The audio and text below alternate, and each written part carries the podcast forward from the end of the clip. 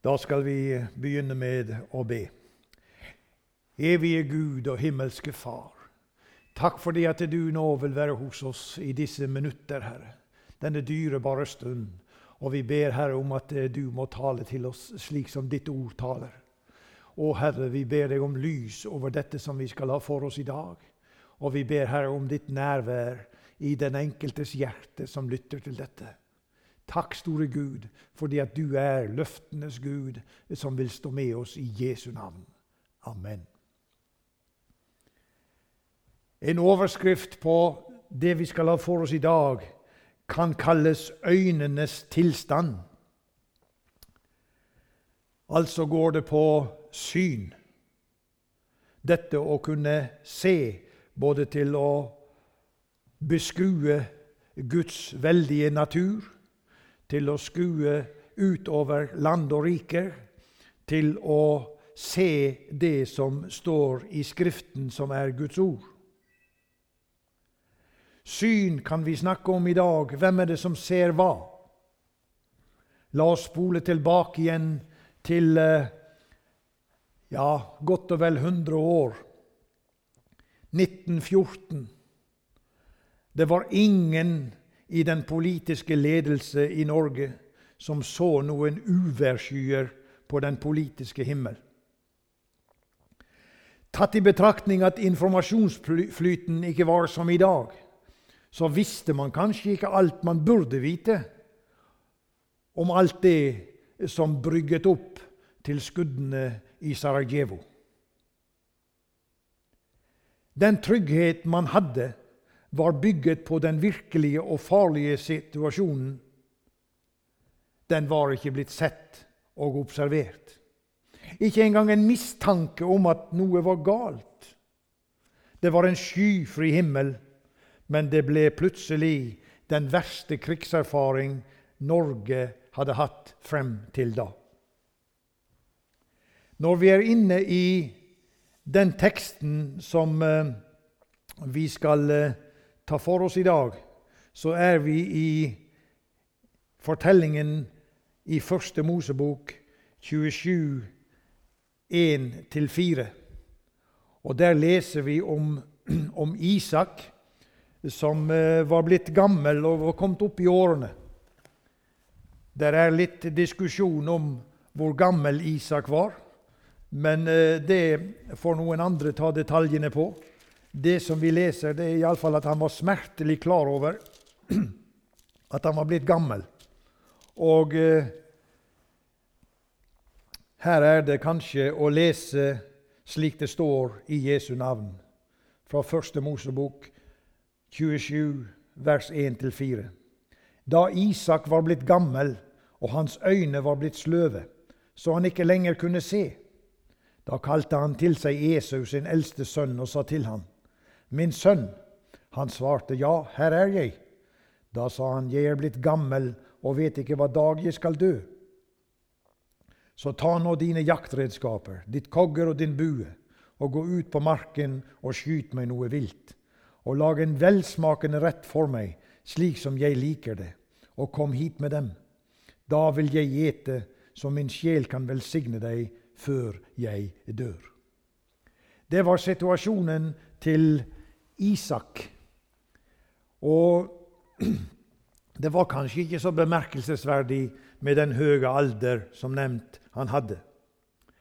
Eh, det var tanken på at vandringen snart var over, som gjorde at han kalte til seg sin eldste sønn Esau. Jeg er blitt gammel og vet ikke hva dag jeg skal dø. For Isak, som var løftesønnen til Abraham, så var det skjedd noe bl.a. med synet hans. Det er det første verset understreker. Det var slik at han var blitt dim på synet, og han var etter hvert blitt totalt blind. Det å bli dårlig på synet det har noen og enhver av oss erfart. Og eh, vi kompenserer med forskjellige ting for å kunne både lese og se hvor vi ferdes.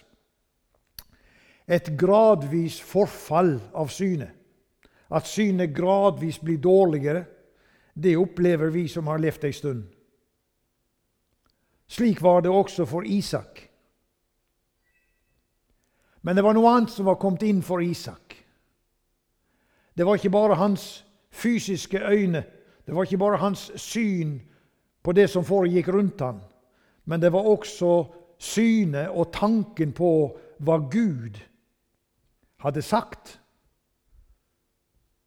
Det hadde også forandret seg nå da Isak befinner seg i denne situasjonen med dårlig syn. Han ville nå gjøre det som han mente var det rette. Guds ordninger var ikke lenger de viktigste for Isak. Gud hadde sagt, og la oss gå til første Mosebok 25, 23-24. Og Herren sa til henne, til Rebekka, i ditt liv er det to folk, og fra ditt mors liv skal to folkeslag skille seg ad. Det ene folket skal være sterkere enn det andre, og den eldste skal tjene den yngste. Da nå hennes tid var kommet, og hun skulle føde, se da var det tvillinger i hennes liv. Den første som kom frem, var rød og lodden som en kappe over hele kroppen og de kalte ham Esau. Deretter kom broren hans frem. Hånden hans holdt fast i Esaus hæl, og de kalte ham Jakob. Esau var den som var født først, og hans bror Jakob like etter. Dette var det Gud som hadde ordna med, at det var slik det skulle bli. Isak var nå i besittelse av en motstand mot den ordning Gud hadde latt begge disse foreldre få vite. Igjen 1. Mosebok 25-24. Den eldste skal tjene den yngste. Under tiden var synet, det åndelige synet, var blitt så dårlig at han også var blind for Guds vilje blind for de fakta Gud så tydelig hadde talt til både han og hans hustru Rebekka. Den indre motstand mot Guds ordning hadde fått grobunn under tiden. For synet ble dårligere og dårligere, og innsikt og tillit forsvant. Det gjaldt det fysiske, men det gjaldt også det åndelige. Og det ser vi ut av den handling som eh, Isak legger for dagen, hvor han ikke lenger har tillit til at Gud vet best. Isak hadde, mens han ennå var seende, så hadde han sett at Esau, når han vokste opp, var en skogens og en jaktens mann, med alle de nødvendige kvalifikasjoner som betegner den sterke mann. Isak hadde gitt denne betraktningen og denne tanke som fulgte med, en grobunn, og han handlet deretter. Selv om han hadde tydelig sett og vært til stede da Esau giftet seg med to hedenske damer, Judith og Basmat. Det står det skrevet om i Første Mosebok 26-34, og også kan vi lese om Esau, som det refereres til i Hebreabrevet 16. Han verdsatte ikke lenger Guds hellige ordning. Han gikk av sted og handlet mot det som Gud hadde sagt. Det var ikke bare Isak som hadde det slik. Rebekka hadde under tiden blitt sikker på at Gud trengte også hennes hjelp til å få fram den løsningen som skulle gjelde for datid og også for fremtid. Og de hadde som ektefolk lagt hver sine planer om hvordan de skulle hjelpe Gud til å handle i tiden.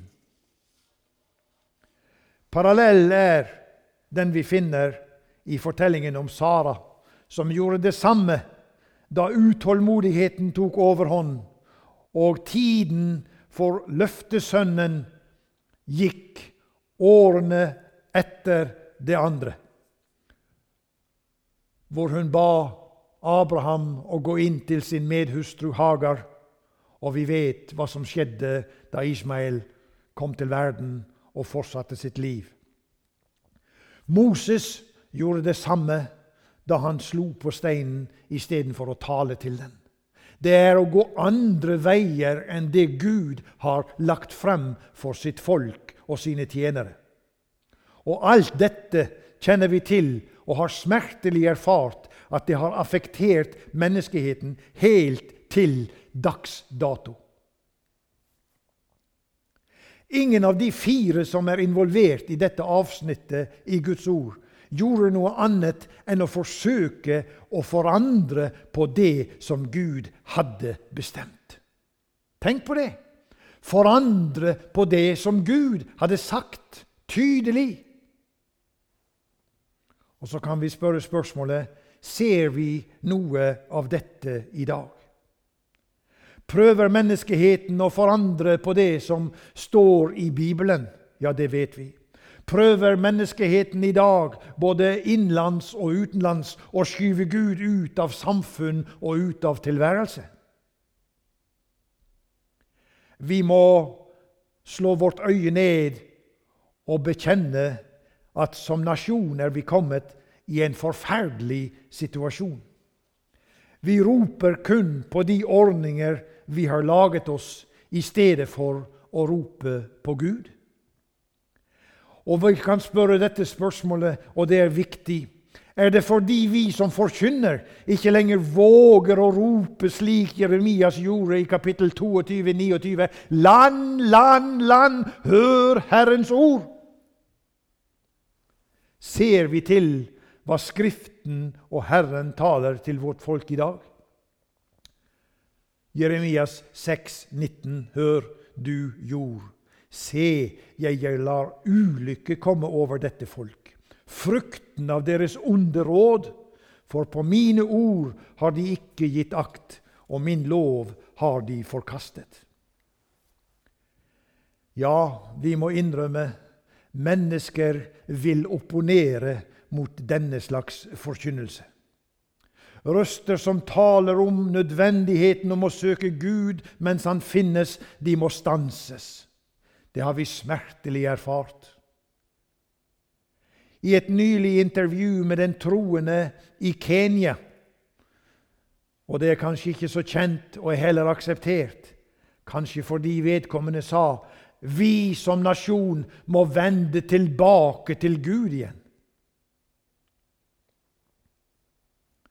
i Første Mosebok kapittel 27 omhandles både Rebekka og Isak. Og det fortelles gjennom disse vers som der er fremsatt, at de er kommet bort ifra den nære forbindelse til Gud. De har satt sine egne tanker og refleksjoner foran det som Gud har sagt. Og så kan du høre nøye etter. Nettopp derfor er denne hendelse tatt med i vår bibel. For at vi derigjennom skal lære og også erkjenne at dette også er tilstanden her i vårt land nå. La oss ikke peke på alle de der ute i den store verden. La oss ha fokus på vårt eget, vårt nære, vårt Norge. Gud forkynner til oss som er kommet i denne begredelige situasjonen, at enda er der håp. Enda er det mulig å forkynne. Enda er det mulig å rope ut at det er nåde å få hos Jesus Kristus. Enda kan vi rope til Han at Han må gi oss øyensalve så vi kan se. Fremdeles er det mulig å få det rett med Gud for den enkelte av oss og som nasjon. I Åpenbaringen 3 der står det skrevet om flere menigheter. Og En av de menighetene som det skrives om der, er Laudikea. Ordet Laudikea betyr rett oversatt til vårt språk et folkestyre, et demokrati. En, menighet bygget på demokratiske ordninger. Styrt av folkets tanke og innspill. Men Gud hadde noe å si til menigheten i Laudikea, og la oss høre fra vers 14 til 18 i kapittel 3 der i åpenbaringen. Dette sier Han som er Amen, den trofaste og sannferdige vitne. Opphavet til Guds skaperverk. Jeg vet om dine gjerninger, at du verken er kald eller varm. Det hadde vært godt om du var kald eller varm. Men fordi du er lunken og verken kald eller varm, vil jeg spy deg ut av min munn. Fordi du sier 'Jeg er rik, jeg har overflod og har ingen nød'. Og du vet ikke at du er ussel og ynkelig og fattig og blind og naken. Så råder jeg deg at du kjøper av meg gull lutret i ild, for at du kan bli rik, og hvite klær, for at du kan være kledd i dem, og din nakenhetsskam ikke skal bli stilt til skue, og øyensalve til å salve dine øyne med, for at du kan se. Enda lar Gud nådens ord lyde over vårt folk og land. I Åpenbaringen 3,20 så leser vi videre.: Se, jeg står for døren og banker. Om noen hører min røst og åpner døren, da vil jeg gå inn til ham og holde nadvær med ham og han med meg. Gud kan fremdeles forandre livssituasjoner. Gud kan fremdeles forandre på situasjonene for vårt land og vårt folk. Enn så lenge. Men venner, bare frem til at nådens dør lukkes.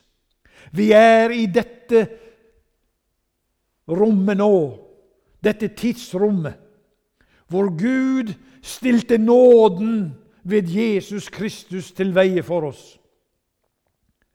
Og han har fremdeles hånda på døra og har tenkt å holde den åpen enda en stund. Og vi ber om at ikke den dag må komme. Drøy en liten stund o lenger, Gud, så vi kan få med flere til å være med på den store dag når du skal hente dine.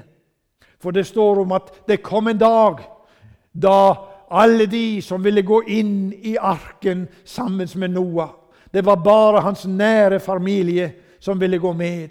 Alle de andre hadde stått utenfor og spottet og gjort narr av, Noah, som, som bygget denne arken langt inne på land.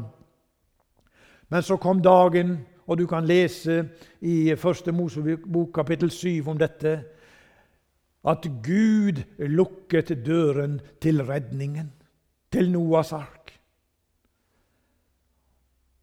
Du lytter som hører dette. Enten du hører til i vår menighet her i Arken, eller du hører til andre steder.